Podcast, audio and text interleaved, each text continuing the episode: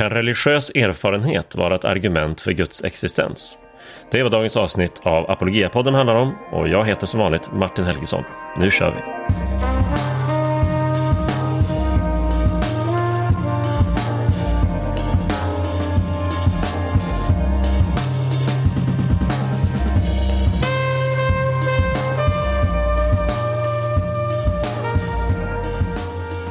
Välkommen tillbaka till Apologia-podden. Vi ska strax kliva in i studion där jag och Mats Selander, min kollega i Apologia, pratade om religiös erfarenhet som argument för Gud.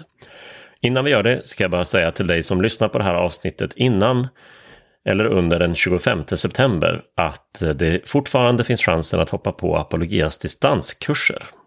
Vi erbjuder tre kurser i höst. Det är Obegriplig bibel med mig om de svåra, eh, några av de svåraste bibelställena.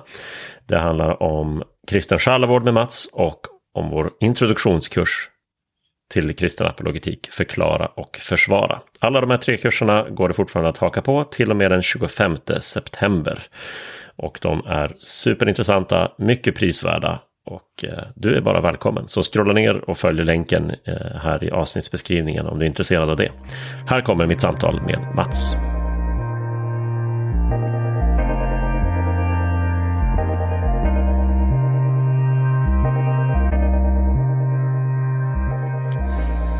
Då är vi tillbaka i Apologia-poddens studio och jag sitter här med eh, väldigt trevligt sällskap i form av Mats Selander, Apologias eh, på något sätt motsatspar i förening. Han som undervisar både själavård och religionsfilosofi. Hur är läget den här morgonen Mats? Ja, det är bra. Det är alltid trevligt att höra din röst, Martin. Känner du igen dig i, i den beskrivningen? Jo, då, nej, men det kan man väl säga. Det, det, Jo, men jag, jag omfamnar eh, må många saker på det sättet och, och, och vill integrera eh, viktiga bitar som ofta kanske sätts som motsatspar. Eh, jag ser dem inte riktigt som motsatspar, men jag förstår ju vad du menar. Så att, eh, jo, nej, men jag, jag, känner igen mig det och det är väl det jag kommer ihåg från min barndom när min mamma då Eh, Eh, och min pappa kanske argumenterar om något och så säger min pappa Ja men det där är ju inte förnuftigt som du säger.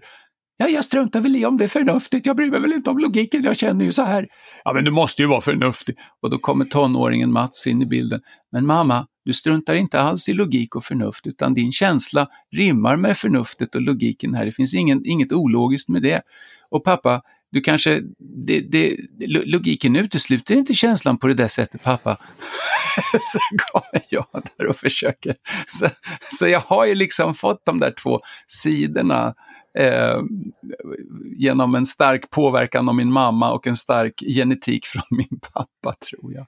Mm. Jo, det stämmer. Mm. Ja, härligt. Och på eh, måndag om några dagar när vi spelar in det här, den 25 eh, september, då börjar ju du själavårdskursen som är en av eh, flera eh, distanskurser vi har i Apologia den här terminen. Så vi låter så att säga själavårdsbiten eh, spara vi till måndag kväll för din del och för de studenter som är anmälda till den. Eh, det går att anmäla sig till och med måndag om du lyssnar på detta eh, avsnitt alldeles eh, under, under helgen här när det har släppts. Eh, så då fokuserar vi på lite mer filosofiska saker idag. Vi ska ju prata om eh, den delen i bokserien Finns Gud som du arbetar med just nu. Men eh, kan du hjälpa oss att eh, friska upp minnet lite grann Mats? Den här Finns Gud-serien, vilka delar är det som finns än så länge? Det är fyra delar som har släppts.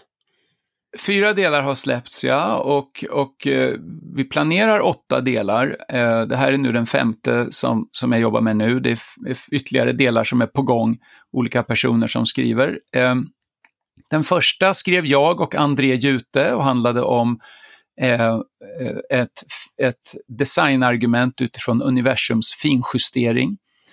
Eh, och eh, det andra, den andra boken om det moraliska argumentet, den, det tredje om livets absurditet utan Gud och den fjärde om medvetandet som någonting som pekar i riktning mot gudstro.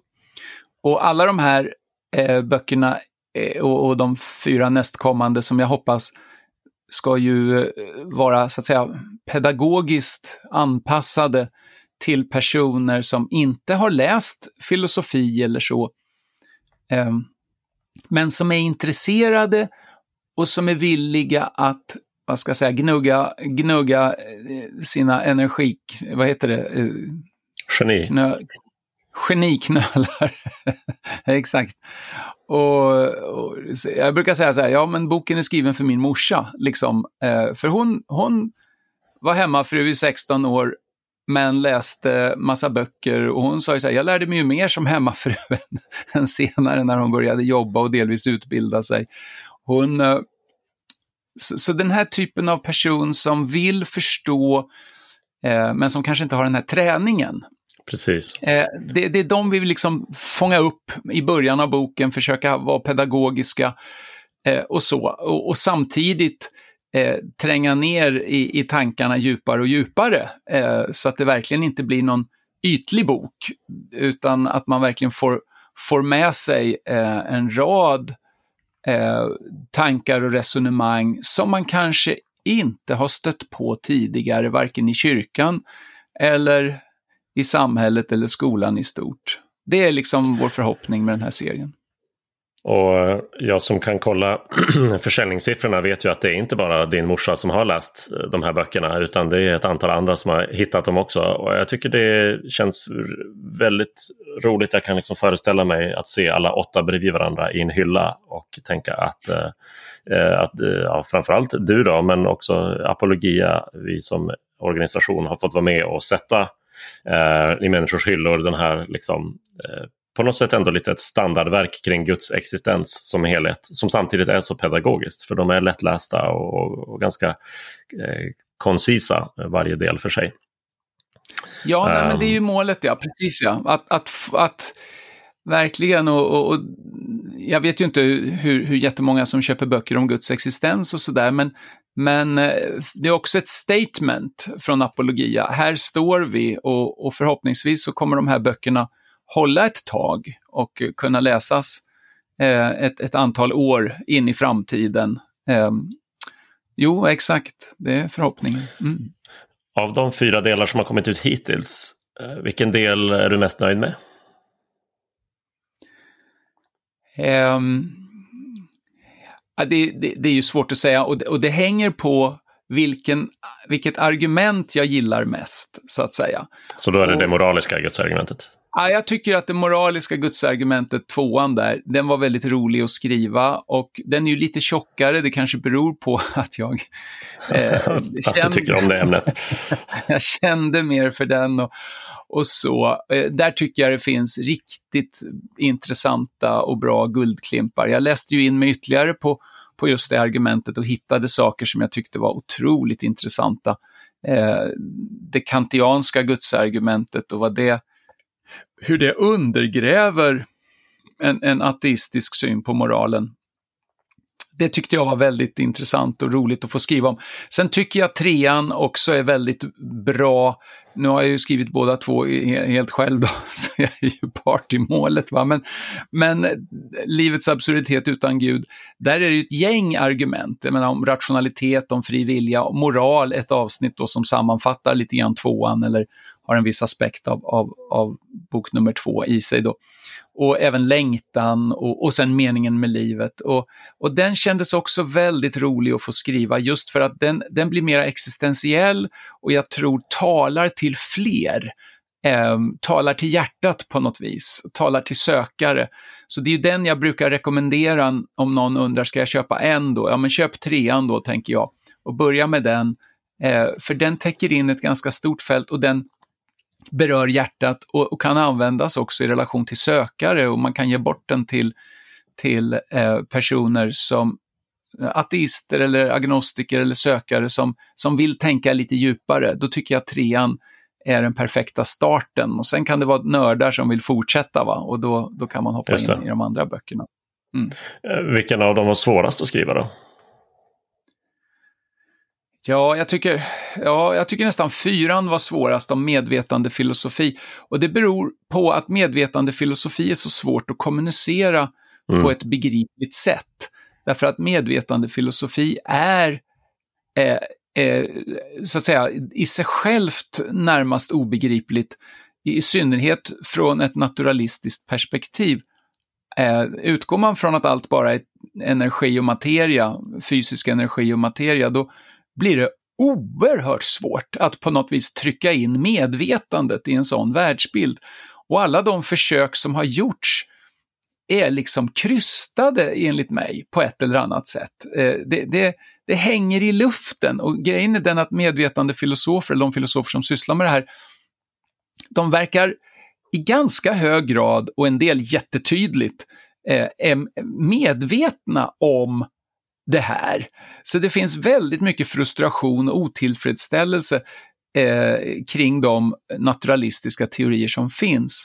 Eh, och sen finns det ju en otillfredsställelse när det gäller då substansdualismen också, alltså den uppfattning som säger att vi är både en kropp och en själ, så att säga, eller ett medvetande och det är en sak som inte kan reduceras, inte kan brytas ner till, till hjärnan eller något annat fysiskt, så, va? utan det är genuint mentalt. Det själsliga finns verkligen. Och det är precis det som filosofer idag, många i alla fall, av, av de dominerande skolorna, så att säga, inte vill erkänna. Man vill inte gå den vägen.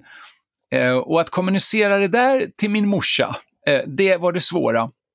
Och nu var det så att min mamma faktiskt läste den där boken. Och, hon, och hennes reaktion var ju så här, jag förstår orden matte, men jag, jag förstår inte vad, vad, du vill säga. Jag förstår Nej. inte. Det, Nej, precis. Det, jag kan inte, jag, jag, vet inte, vi har, vi har verkligen ansträngt oss, jag och Joakim som har skrivit det här. Jag har ju lagt grunden, de flesta kapitlen och sen skriver Joakim då en, eh, eh, en fördjupning som blir ännu mer avancerad då, om man inte hänger med på grunden. Ja, det, det, jag, jag vet inte om det går att göra. Det går säkert att göra mer pedagogiskt, men, men vi har verkligen ansträngt oss. Men det är i sig självt jättesvårt. Och därför har vi sådana här äh, saker i boken, att om du, om du tycker att det här låter obegripligt så kan det bero på att det bokstavligt talat är det. Just det, precis. Ja, men det är väl, eh, ja. läs, läsare av de här böckerna kommer väl inte vara de första som, eh, som eh, känner frustration över medvetande filosofi som du själv är inne på. Att både de som arbetar i fältet och, och många studenter på A och B-kurser i teoretisk filosofi har, har varit frustrerade. Eh, för det, för det är knepigt ja. att förstå. Men eh, där fick vi en bra mm. överblick över vad som finns i serien hittills. Så om du eller din morsa är sugen på något att läsa om Guds argument eh, så, så kan, ni, kan man scrolla ner i, i avsnittsbeskrivningen och se länkarna till de här serierna. Vi tar en liten paus och så är vi tillbaka med att prata om del 5. Den liksom live från skrivverkstan, vad Mats jobbar med just nu.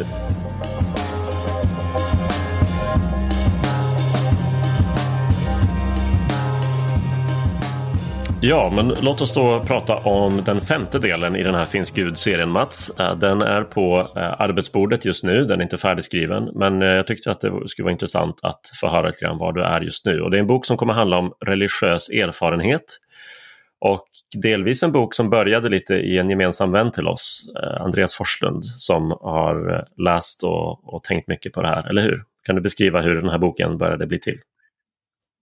Jo, men det är så. Jag har ju ett, ett gäng, eh, vi har ju ett gäng vänner eh, i, runt apologia och i apologia-sammanhang som, som är intresserade av sånt här och, och då märker man ju det. Och, ja, men hörru du, du, du är ju intresserad av det här med religiös erfarenhet, sa jag till Andreas. Du borde ju skriva en, en bok i våran serie om det här. Ja, det ville han gärna göra. Eh, det blev lite liggande och sådär, men, men, eh, men sen så blev han ju sjuk i ALS, den här mm. hemska sjukdomen som bryter ner muskler och som gör att man till sist inte kan andas. Och det var väl Stephen Hawking som hade den också, va? Hade inte han det, ALS? En långt utdragen version av det, har jag för mig.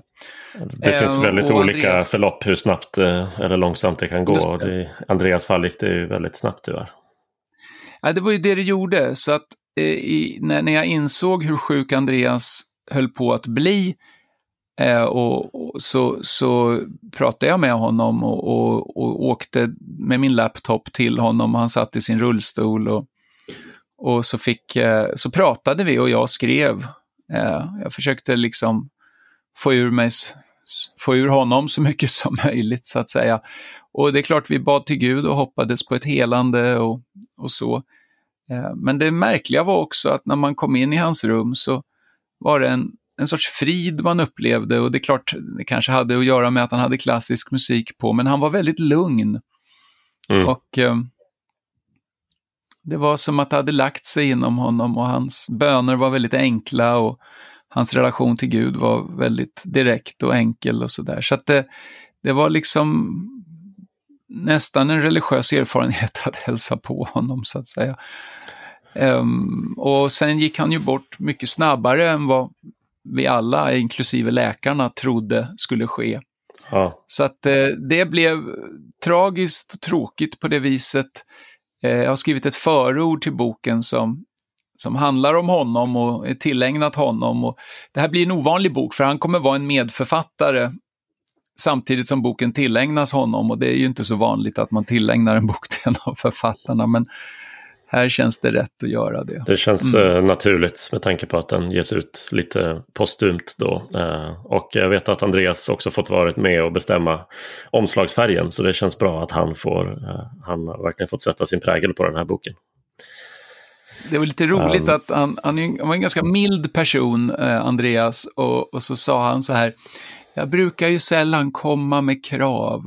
Och det här är kanske inget absolut krav, men det är ju nästan det det är att boken ska vara rosa. Så, och jag, Jaha, okej okay, Andreas, han förklarade, han motiverade inte riktigt varför, men jag misstänker att det har att göra med att rosa ändå är en, en mjukare färg. Eh, den förknippas ju med det feminina, med det mjuka, med det intuitiva. Och, och, och en bok om religiös erfarenhet är ju mer direkt, intuitiv. Eh, det är ju inte de logiska argumenten som står i fokus, utan det är den direkta erfarenheten. Och jag tolkade honom som att det var det som, som han syftade på. Då. Eh, och sen Precis. var det faktiskt så att den morgon han dog, så visste inte de som stod omkring honom och som vakade där eller satt omkring honom, de, de visste inte riktigt hur medveten han var. Han vaknade upp vid ett tillfälle sådär eh, ur dvalan och de undrade om han, hur närvarande han var och då hans styvbror då, Rolf sa då att Mats hälsar att han jobbar vidare med boken och att den ska bli rosa. Och då log Andreas med hela ansiktet och det blev mm. liksom beviset på att ah, han fattade, han är, han är här nu, han är närvarande. Mm. Och sen inte långt efter det så somnade han in och, och det blev liksom ja, i stort sett det sista Andreas kommunicerade, det här leendet över ja. att boken ska bli rosa. Så, att, så att, eh, här har vi i Apologia inte så mycket att välja på. Den ska bli rosa. Ja, det ska den verkligen bli. Det ska den verkligen bli. Ja. Man hade önskat att Andreas skulle få se den bli färdig och man hade önskat att eh, man skulle få äh, träffa honom många fler gånger. Men, men det blev som det blev. Um, ja. Låt oss komma in på själva ämnet för boken, religiös erfarenhet. Om vi skulle börja med en sån här lite öppen, eh, ska vi säga på något sätt utforskande, kartläggande fråga. Vad är en religiös erfarenhet? Finns det olika sorter? Vad menar vi när vi pratar om religiös erfarenhet? Ja, exakt. Ja. Och det, ordet religion är ju ett sånt där ord som är oerhört svårt att definiera. Ja, omöjligt och, nästan. Och ska man då, ja, Ska man då lägga till liksom erfarenhet på det då? Eh, erfarenhet är det inte så svårt. Nej, men det, det, är klart, ordet erfarenhet är inte lika svårt att definiera. Man, upp, man upplever någonting, eller alla definitioner av ordet erfarenhet går ju liksom inte djupare än ordet själv nästan. Va? Så att det är ett sånt här grundord, vi har en erfarenhet, vi upplever någonting. Men, men det finns en massa frågor kopplade till det. Hur mycket av erfarenheten är tolkning?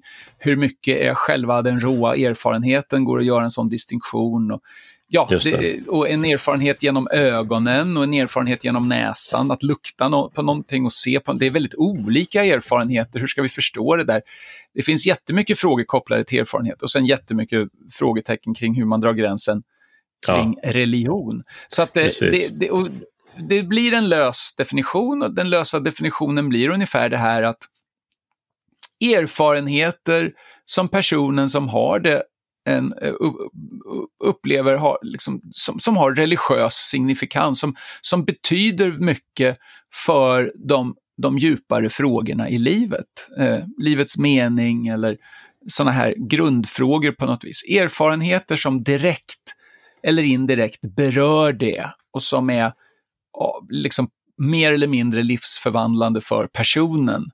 Eh, mm. det, den, den vida kategorin använder vi oss av här då. då. Att, att det. Det, det, det. är ungefär det vi menar med religiös erfarenhet. Så det handlar inte om att dra en gräns som gör att vissa relevanta erfarenheter utesluts, utan det handlar om att ha en väldigt vid och generös gräns och får vi in lite för mycket i den så, så må, må väl det vara hänt. Ja, och, och, och, men när, när vi då har den liksom stora eh, lite löst sammansatta gruppen. Finns det sen olika kategorier? Du nämnde direkt och indirekt, men finns det andra sätt att dela in och försöka beskriva vad som ja, skiljer olika erfarenheter exakt. åt? Filosofer har liksom försökt att hitta så här förnuftiga distinktioner och indelningar och sånt där. Och det, det, de kan vara intressanta, men, men samtidigt så känns de lite lite konstlade tycker jag. Ja, vi, vi, kommer köra en ganska enkel indelning i form av att bara namnge olika, alltså gudserfarenhet, mm. när man tycker sig uppleva Gud på något vis, ja. eller eh, eh, nära döden-upplevelser, när man ja, upplever att man svävar iväg och kanske upplever anhöriga som har dött eller, eller änglaväsen som talar till en eller vad det kan vara medan man är kliniskt död. Även okulta erfarenheter, eh, både sådana som där man bejakar det okulta men också sådana där man så att säga upplever sig bli befriad från det okulta. Eh, demonbesättelse och sådana här saker. Eh, och, och eh, ja, och sen har vi då österländska upplevelser av att man känner sig vara ett med universum eller ett med allting den här liksom harmonin eller erfaren, djupa erfarenheten av, av enhet på något vis i tillvaron. Um, så att, ja, man kan ju sen lägga till erfarenheten av spöken eller övernaturlig närvaro på något vis i, i rummet. Liksom, uh, ja, så, så, så ja. att... Det, Massa olika sen varianter. Sen har vi också mirakler. Vi har mirakler, helande mirakler, Precis. övernaturliga händelser som sker just i ett väldigt tydligt religiöst sammanhang på något vis. Va? I samband med förbön och, och sånt där. Mm. Okej, okay, ja, men så det är lite mer utpekande, beskrivande eh, indelningar. Men eh, fråga så här då, finns det någon distinkt eh, ateistisk religiös erfarenhet? En ateist skulle ju kunna hävda att, att då blir det inte en religiös erfarenhet, det blir en ateistisk erfarenhet. Men man skulle kunna säga så här, jag upplever inte Gud. Jag upplever Guds frånvaro. Därför Precis. finns inte Gud. Så det skulle ju kunna vara en, en sorts ateistisk upplevelse då. då. Eh, och den är inte religiös utan antireligiös förstås, men, men hamnar på den religiösa nivån. Va? Och det är klart att mm. det, det, jag då skulle hävda är att, att, att det, det går inte att på det sättet eh, eh, berättiga icke-existensen av saker. Du upplever aldrig icke-existensen av något. Jag menar, jag sitter här och upplever Australiens icke-existens. Jag har aldrig varit där, jag sitter inte där nu, jag upplever ingenting av Australien, har aldrig någonsin gjort det. Betyder det att den här avsaknaden av erfarenhet av Australien ger mig skäl att tro att Australien inte finns? Ehm, um, ja, jag skulle säga att det ger mig inte några positiva skäl att tro att Australien finns, men, men det liksom hamnar inte i den negativa vågskålen heller. Nej. Utan det, det, det går liksom inte att säga någonting så. utifrån en avsaknad av erfarenhet. Så, Erfarenheter så behöver vara positiva jag, på, det sättet.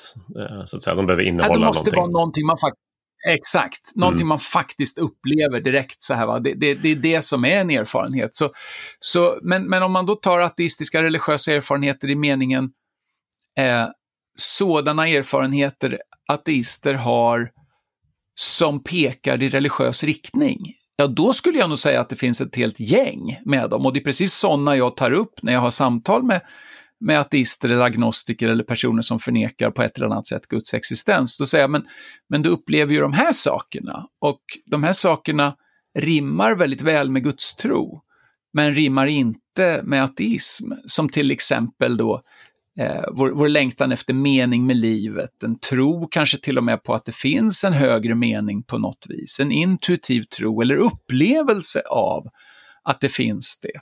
Mm. Eller, eller motsatsvis, en upplevelse av fruktansvärd ondska.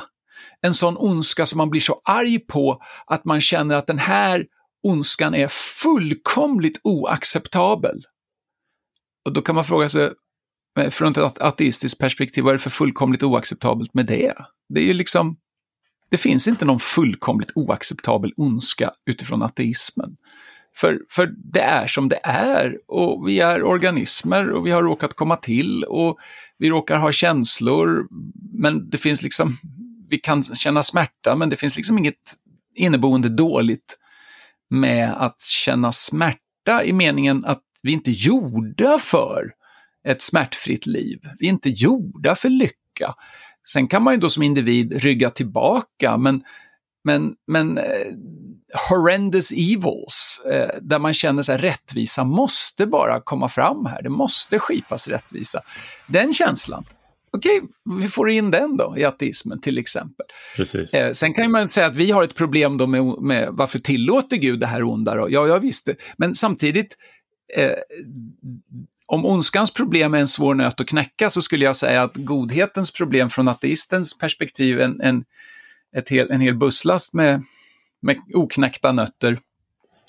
Så, så hur som helst, moralen, eh, fri vilja, eh, det här som C.S. Lewis pratar om, den här längtan efter någonting större och högre och djupare och liksom, det, det finns så mycket i oss som människor som pekar bortom eh, den rent naturliga världen, som pekar bortom fysik och kemi och som, som är eh, det som ger, oss, som ger livet mening på djupet. Och det har ateister också, men, men enligt min uppfattning så finns det inget utrymme för sånt om de tar sin livsåskådning på strikt allvar, vilket de sällan gör. Och här har ju en ateist, menar jag, en massa religiösa eller massa erfarenheter som pe pekar i religiös riktning eller som har en inneboende religiös laddning. Fast de vill inte riktigt erkänna det. Men det Just har det. de i alla fall, då menar jag. Ja. Men då, då har vi liksom landskapet där beskrivet av olika erfarenheter som vi, vi kan eh, tänka på. Och du har redan varit inne på det lite grann, men äh, den intressanta äh, frågan blir ju då, okej, okay, men vilket värde har de här erfarenheterna? Liksom, vilket epistemiskt, vilket kunskapsvärde har de? Ska vi lita på dem? Kan de vara ett, ett bra, ett giltigt argument för att närma sig någon form av religiös eller äh, teistisk, kanske till och med världsbild och livsåskådning? Vad, vad, vad ska vi tillskriva de här för, för värde? Mm. Ja men verkligen, och där, där har det ju varit mycket så att man från naturalistiskt håll bara har avfärdat alla sådana här erfarenheter och sagt att de, de har inget kunskapsmässigt värde eller kunskapsteoretiskt värde, epistemologiskt som det heter, värde överhuvudtaget. Eh, därför att vi kan enkelt förklara det här utifrån naturalistiska förutsättningar, liksom Freud eller Darwin eller någonting sånt där. Men men det där har, tror jag, börjat komma att omvärderas i filosofin. Och det är bland annat Richard Swinburne och William Alston framför allt, som jag tror har, har lyckats vända på den där känslan. Och det de säger är ju, Richard Swinburne har ju den här the principle of credulity, eller godtrogenhetsprincipen som, som eh, eh, som har fått ett nytt namn, en, en kinesisk filosof i Hongkong som heter Kaiman Kwan, som har blivit lite eh, den kristna världens lite expert på just frågan om religiös erfarenhet. Kaiman Kwan har eh, namngett den här principen till eh, the principle of critical trust. Eh, kritisk, principen om kritisk tillit, för han menar att godtrogenhet, men det handlar inte om godtrogenhet. Men, men om vi bara går tillbaka till Swinburne då, hela grundtanken är just den här att om du upplever att någonting tycks vara på ett visst sätt, du har liksom en positiv upplevelse av att det tycks vara på ett visst sätt, då har du rationella skäl, kunskapsteoretiska skäl till att tro att det är på det här sättet fram tills dess motsatsen är bevisad. Eller eller påvisad eller tills dess att tillräckliga tvivel kastas över den här upplevelsen och, och, den, och den tro som den här upplevelsen, de övertygelser som den här upplevelsen naturligt ger upphov till. Och, och poängen med den här principen är att, att den, är, den tycks vara en inbyggd del av vad rationalitet är. Kan du, du ge kan några liksom exempel inte... Eh, som är liksom från en helt icke-religiös domän? Då? Vad skulle vara motsvarande? Att, hur tillämpar vi den? Den principen. Ja, nej men precis ja. Alltså egentligen så, upp, så tillämpar vi den hela tiden. Vi, ja. vi, eh, vi, vi ser en dörr och så går vi ut genom dörren. Vi ser, allt vi ser, allt vi hör, eh, börjar vi med att så att säga lita på. Eh, det är vår, eh, vår grundinställning. Ja, det är vår grundinställning. Att, att, att allt, allt som tycks vara fallet, det är självklart så att vi tror att det är det. Och sen kanske vi då får mer erfarenheter som kastar ett ljus tillbaka på en tidigare erfarenhet som gör att oj då, jag misstog mig. Aha, det var inte så.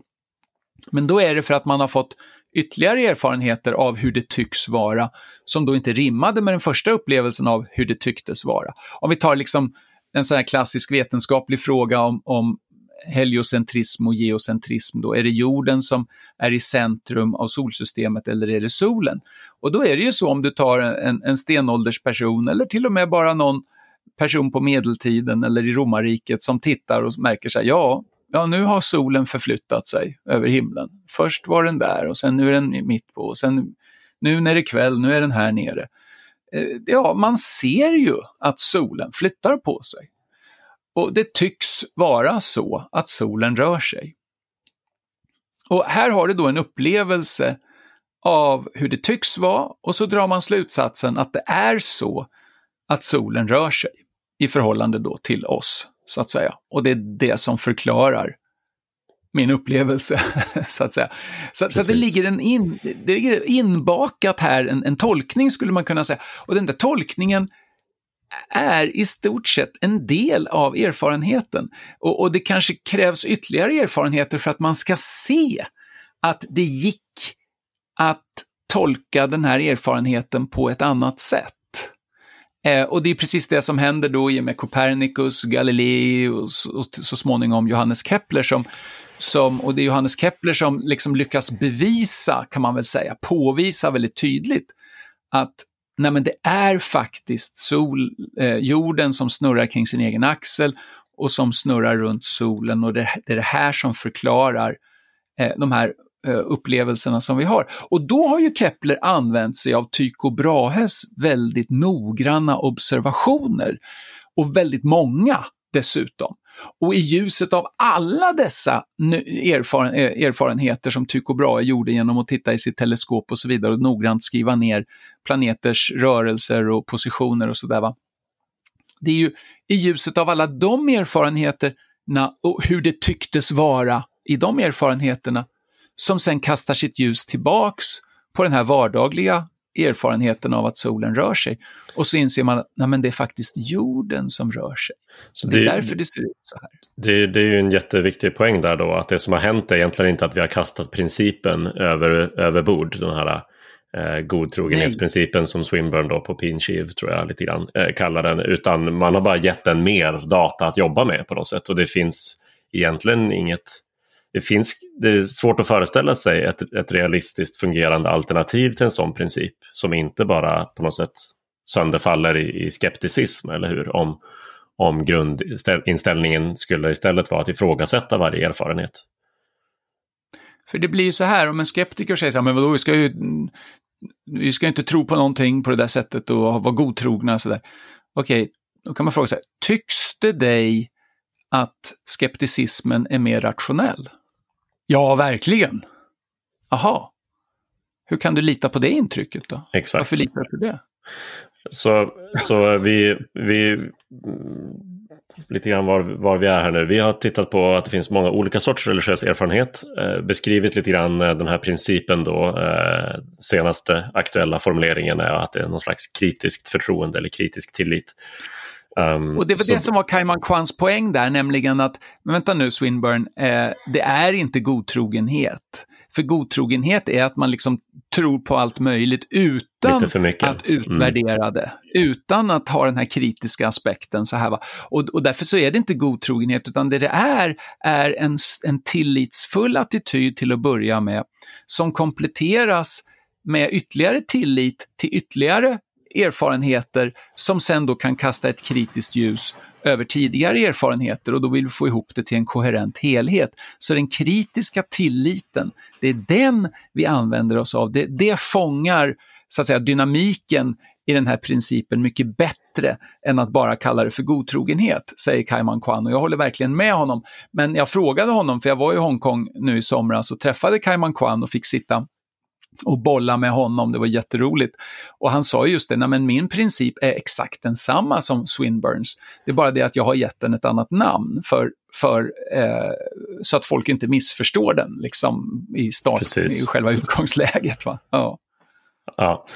Um, det, det, här kan lätt bli ett väldigt långt avsnitt så att eh, jag tänker att vi ska ta, eh, det, det, finns i grund och botten kanske tre invändningar mot det här sättet då att att vad ska vi säga, släppa in, eh, välkomna in i, i, i eh, religiösa erfarenheter eh, på något sätt i, i, vår, i vårt sätt att få kunskap då om, om världen och om, mm. om Gud.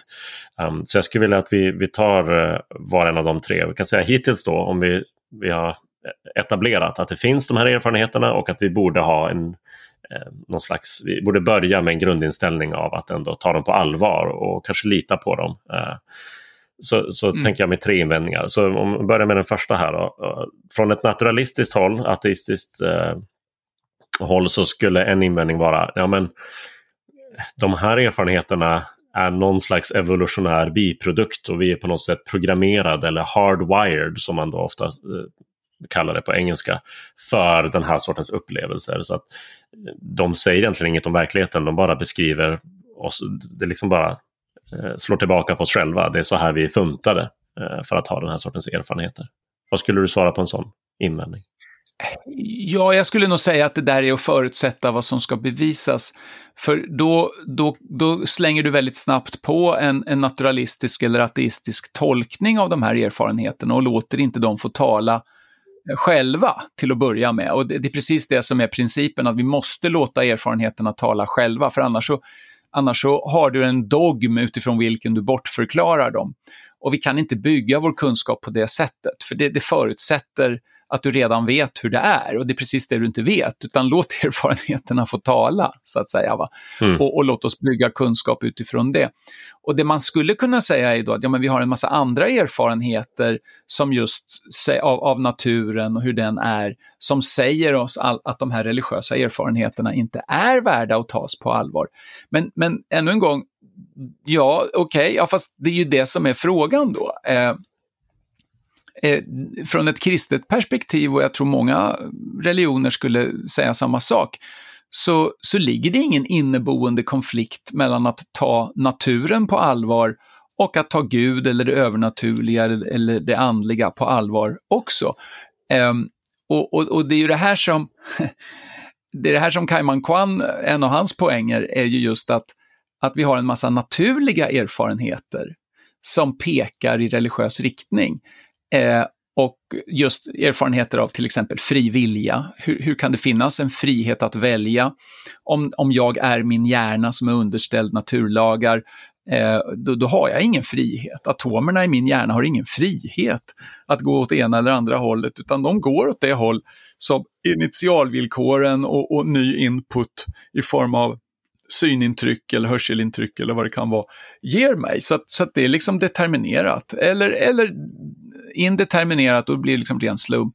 Eh, så oavsett så, så, så, har jag ingen frihet, så att säga. Men jag upplever att jag har frihet. Jag upplever verkligen det och, och, och mänskligt handlande kan, kan, kan knappast ens förstås om vi inte tar den idén på allvar.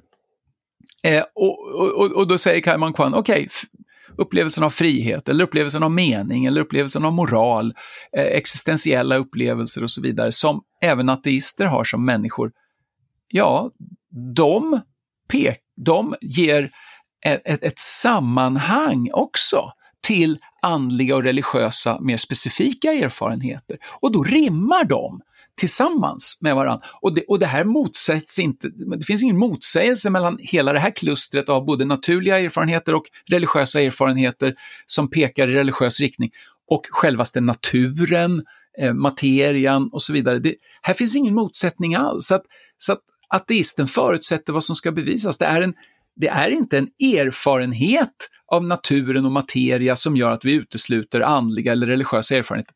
Det är en tolkning, det är en lära, det är en filosofi om att Precis. allt som finns bara är naturen, som motsäger den religiösa erfarenheten. Men ännu en gång, om vi bara tar erfarenheten på allvar så får du inte den där motsägelsen, utan det är en, då, då slänger vi tillbaks det till ateisten och säger, hörru du, det är din tolkning av naturen som krockar med religiösa erfarenheter, inte naturen själv. Det finns ju en, en klar risk för att eh, bebisen åker ut med badvattnet här också om vi börjar tala om vad vi är så att säga programmerade eh, eller betingade att, att uppleva. För eh, väldigt fort hamnar ju eh, syn, lukt, känsel, hörsel som totala erfarenheter som kontakt med omvärlden, ja de är ju också programmerade för eller hardwired. De finns liksom i vår biologi och, vill vi då kasta ut dem också? Eh, det tycks ju bortförklara lite för mycket va? Eh, om ja, allting som vi, som vi skapade för eller, eller eh, som vi har kapacitet att uppleva bara kastas ut på det sättet. Men en, en invändning ja, som jag kan känna lite mer um, sympati med då uh, det är väl att det här känns som att det skulle kunna öppna dörren för fullständig subjektivitet. Så att människor har alla möjliga erfarenheter och nu ska alla på något sätt välkommen in. Eh, tomtar och troll och, och alla möjliga eh, väsen. Och, och, det finns inget längre vi kan säga då om att eh, eller liksom, kan vi värdera religiösa erfarenheter som mer eller mindre tillförlitliga? Så blir det inte för subjektivt? Ja, det kan man ju tycka är en, en fara. Å andra sidan så kan man ju se det lite grann som en tillgång. Alltså, jo, det, det, det är det här grundmaterialet vi har att jobba med. Alltså, folk upplever en massa saker och, och varför skulle vi i själva utgångsläget diskriminera mot vissa upplevelser och inte mot andra? Och, och, ja, vi vet att det finns hallucinationer, vi vet att det finns mental ohälsa och, och vi vet att det finns droger och, och sådana här saker. Eh, men, men och, och, och, då, och, och då är det, och ibland är det de bästa förklaringarna. Helt överlägset bästa förklaringarna. Eh, men, men ännu en gång, eh, ja, låt oss då ta upplevelsen, den här personens upplevelse på allvar och sen fråga oss vad är den bästa förklaringen? Är det mental ohälsa? Och så, ja, men det verkar så. Ja, men då, då var det nog inte en religiös erfarenhet som ska på det sättet tas på allvar. Nu är det ju förvisso så att om Gud finns, om änglar finns, om demoner finns, så kan ju de uppenbara sig även för mentalt sjuka människor. det, det, finns ju inget som hindrar dem från att göra det. Eh, så, så, men, men det vi kan säga är väl att det blir lite oavgörbart. Om en person som som har eh, tagit droger upplever eh, supermärkliga och smått demoniska eller vad det kan vara, eller änglalika upplevelser. Så, och, och, vi vet att personer regelmässigt gör det när de tar den här drogen, ja men då är det ju drogen som är orsaken, inte att de faktiskt upplever de här sakerna, rimligen. Va? Eh, så, så det är klart, men, men ännu en gång, den här toleranta öppenheten mot erfarenheten och att ta den på allvar, det tycker jag är en, en, grundsats som måste finnas där. Sen är det då så, vi har alternativa erfarenheter som jag sa, sen är det också så, eller förlåt, alternativa förklaringar, alltså LSD, eh, eh, mental ohälsa eller vad det kan vara. Men, men sen är det också en sak, och det här är också något som Kaiman Kwan betonade, att eh, det finns så att säga etablerade typer av religiös erfarenhet. Och om någonting, och det betyder ju då att det är, att det är människor i historien och, och ganska många människor som rapporterar likartade erfarenheter. Och, och, och, och det där menar Kaiman Kwan, ska man ta på ännu större allvar än om en enstaka individ upplever någonting väldigt märkligt och liksom apart, så här, superkonstigt. Så det.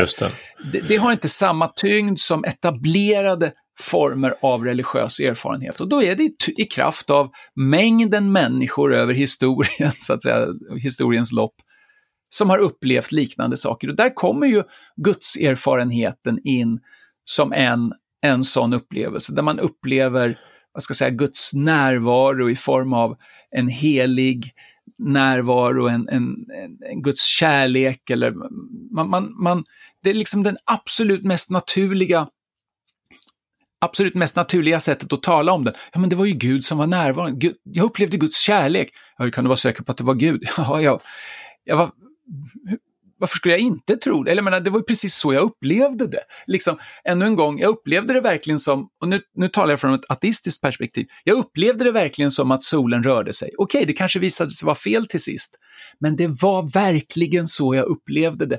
Och det var verkligen också det jag har rätt att ta på allvar.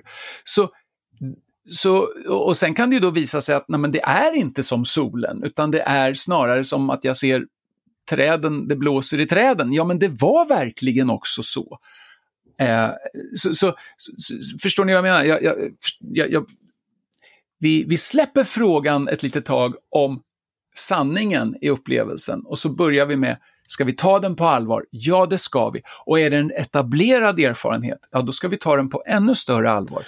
Och finns det då inte några tungt vägande skäl mot att ta erfarenheten på allvar, som inte förutsätter vad som ska bevisas, ja då blir de här erfarenheterna också ett skäl, åtminstone för de här individerna, att ta upplevelsen och de trosföreställningar som de här upplevelserna naturligt skapar på allvar och följa dem dit de pekar, så att säga. Då blir ja, det men en, ett, det blir inte riktigt ett argument, men det blir ett, ett skäl, eller vad man ska säga, för ja. den personen att tro på Gud eller att tro på det som den här upplevelsen då pekar på. Precis, men, men det här leder in till den sista invändningen jag ville ta upp lite grann. För när du pratade om etablerade typer, vi pratar om att det finns, man står i någon slags gemenskap då genom historien av många människor som har upplevt liknande saker. Och det är ju eh, gott och väl så långt. Eh, men eh, då kommer det väl igen in ändå att de här typerna finns i flera olika religioner och att det finns upplevelser av gudserfarenhet men det finns också mer panteistisk eller polyteistisk eller kanske animistisk liksom religiös erfarenhet av kontakt med eh, liksom, andar i naturen eller att vara ett med, med världsalltet och sådana här saker det är lite grann det subjektivitets eh, på något sätt problemet fast nu inte dörren står inte på, på vid gavel längre utan det släpper igenom de stora världsreligionerna kanske. Finns det någonting som vi kan säga att religiös erfarenhet eh, kan peka i riktning mot Gud som vi kristna förstår eh, honom men inte riktigt släpper in allt det andra? Ja, ja, absolut. Och, och, låt mig börja med att säga att, att jo, men det finns etablerade eh, religiösa erfarenheter av andra slag än den här klassiska kristna gudsupplevelsen så att säga. Men ja. till att börja med, även om, om vi kan ha svårt att kanske synka dem med varann eller se hur, hur vi ska få ihop det och sådär. Okej, okay, det kanske kan vara svårt, men till att börja med då så kan vi säga så här, okej, okay, men i vilket fall som helst så tycks alla de här religiösa erfarenheterna bli ett problem för ateisten.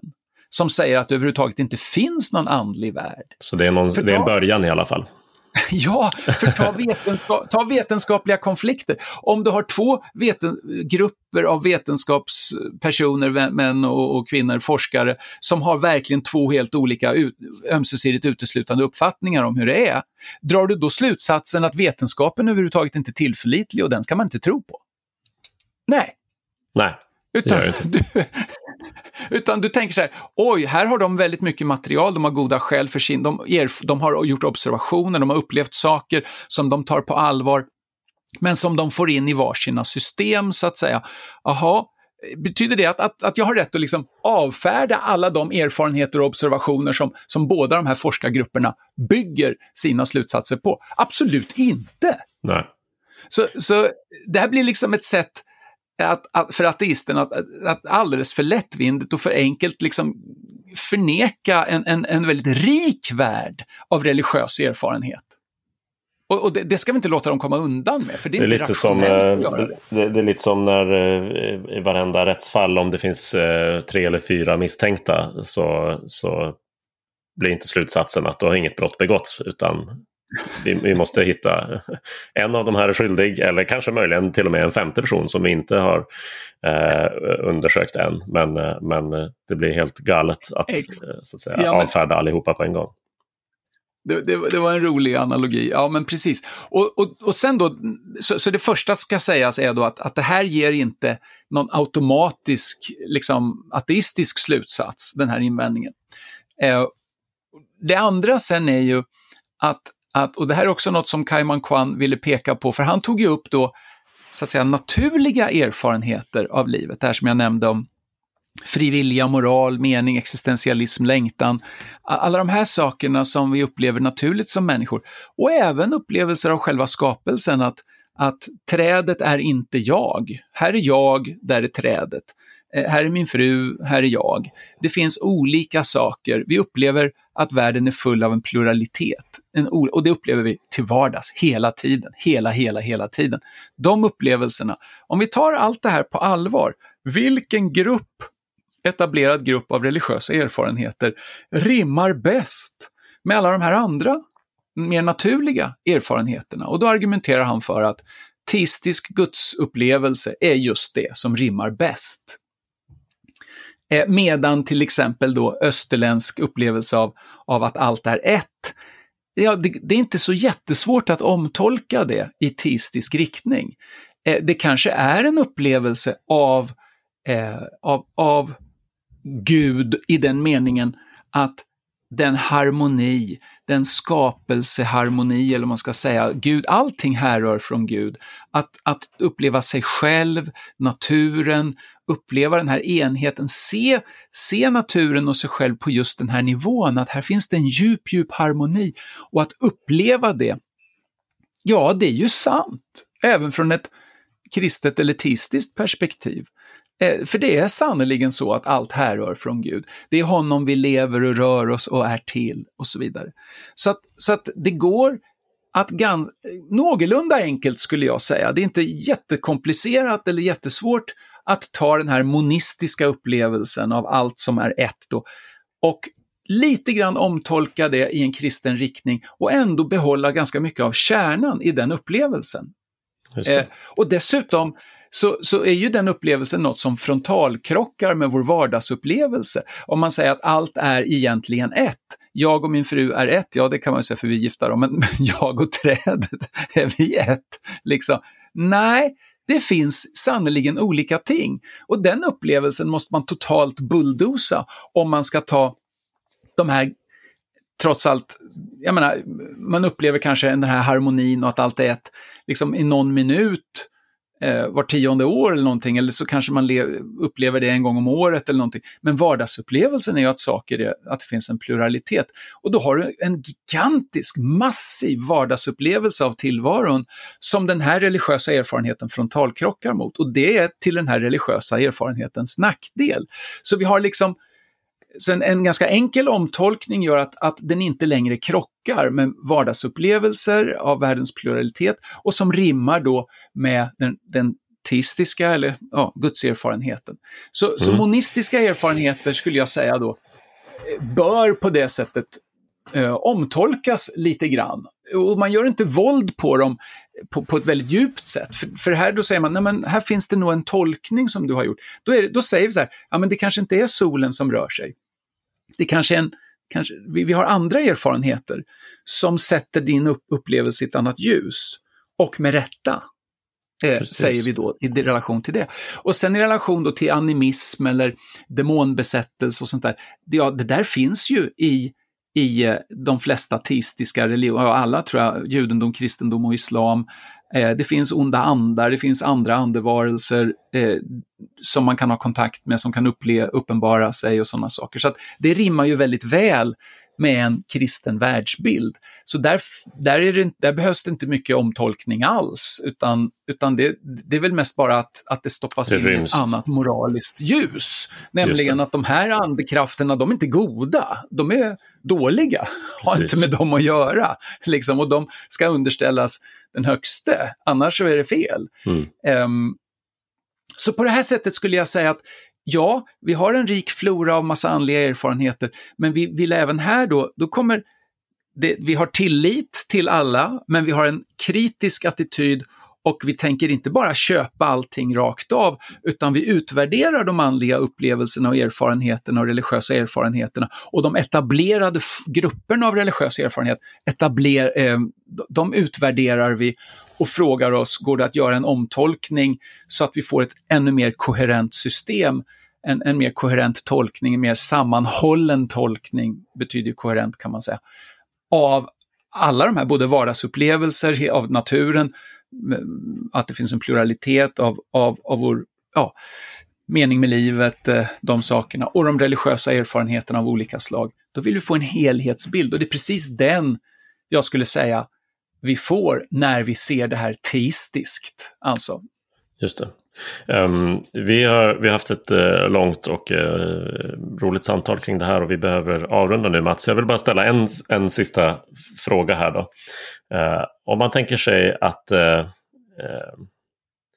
att vi, vi har att göra med en lyssnare eller vi pratar med någon som, då, som funderar över det här med Guds existens men man har svårt att tro på Gud.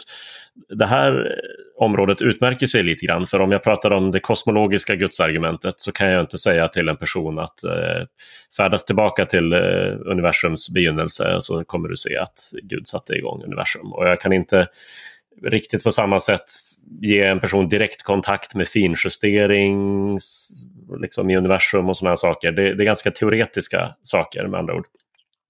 Men vi pratar om religiös erfarenhet så, så är jag inte begränsad till att säga ja, men läs den här boken.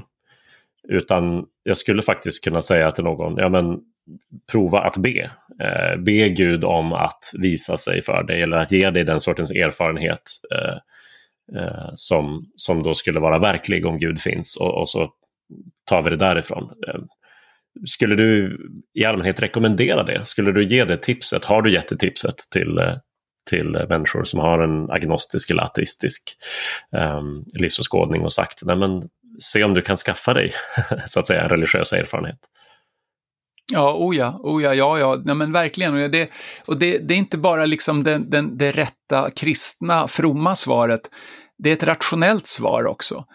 Um, om, om jag går i, i, i mörkret i skogen och har gått vilse eh, och det är kolmörkt och, och, jag verkligen behöver hjälp, jag, jag, låt oss säga att jag kanske har brutit foten och kommer ingenstans, jag ligger där. Eh, då, då ropar jag. Hallå, finns det någon där? Med jämna mellanrum ropar jag. Det är rationellt att göra det. Jag vet inte om det finns någon där eller ej, men i förhoppningen om att det kanske kan finnas någon där så är det rationellt att ropa. Och på samma sätt är det rationellt att be om man befinner sig i en situation, om man upplever någon form av existentiell längtan eller kris eller någonting som gör att man känner, nej men wow, om jag, om jag hade kontakt med Gud, om jag hade tro på Gud så skulle det, om jag fick den kontakten så skulle det betyda någonting väldigt positivt för mig. Har du det ändå med dig så att säga, då, då är det det är klart, om man inte upplever någon som helst motivation, då, då, då går det ju inte att, att, att be någon ha den bara out of the blue. Va? Men, men i någon form av existentiell eller annan kris så är det rationellt att ropa, det vill säga be. Och det var ju det jag gjorde när jag var 15 år, eh, när jag bad min första bön då tänkte jag så här, finns Gud så svarar han mig, finns han inte så går bönen ut i tomma luften och jag har ingenting att förlora. Så att jag bad min första bön och då kom jag ihåg hur min tonårshjärna reagerade. liksom shit, Gud finns. Det föddes en tro i mig på något vis. Jag tror på Gud, Gud finns. Så här, det bara liksom hände i mig va, eh, i samband med bön, direkt efter bönen eller i och med bönen. Och och, och, och det, det, var ju kanske ingen upplevelse av Gud på ett direkt sätt. Det var en upplevelse av att tro föddes i mig, så att säga. Jag, jag började tro på Gud. Liksom. Eh, och det var ju en religiös erfarenhet förstås. Mm. Och det var så allting började. Så att apologetiken, de goda skälen och argumenten kommer ju aldrig föra en människa, tror jag faktiskt. Jag har aldrig varit med om att det har fört en människa in i en, i en så att säga, levande tro. Eh, jag, jag, har sett personer, jag vet om personer som har gått från ateism till gudstro utan att bli religiösa i den här lite djupare meningen. Alltså de har blivit rent filosofiskt gudstroende, men Precis. inte personligt troende, så att säga. Och, och då, då, krävs det nog en erfarenhet och då är bönen, tror jag, den, visst man kan vara med i gudstjänster, man kan, ibland kan ju naturen tala, ibland kan det vara olika saker som man inte kan förutsäga som bara händer. Liksom. Det behöver inte vara kopplat till bön, men bön är ju något vi kan göra och, och, och, och jag rekommenderar verkligen det. Att söka söka Gud i bön, så att säga. Och säga, Gud, om du finns där så vill jag tro på dig. Och, och grejen är den att, att det är inte ovanligt att Gud svarar sådana böner. Det är väldigt många människor som, som har upplevt det.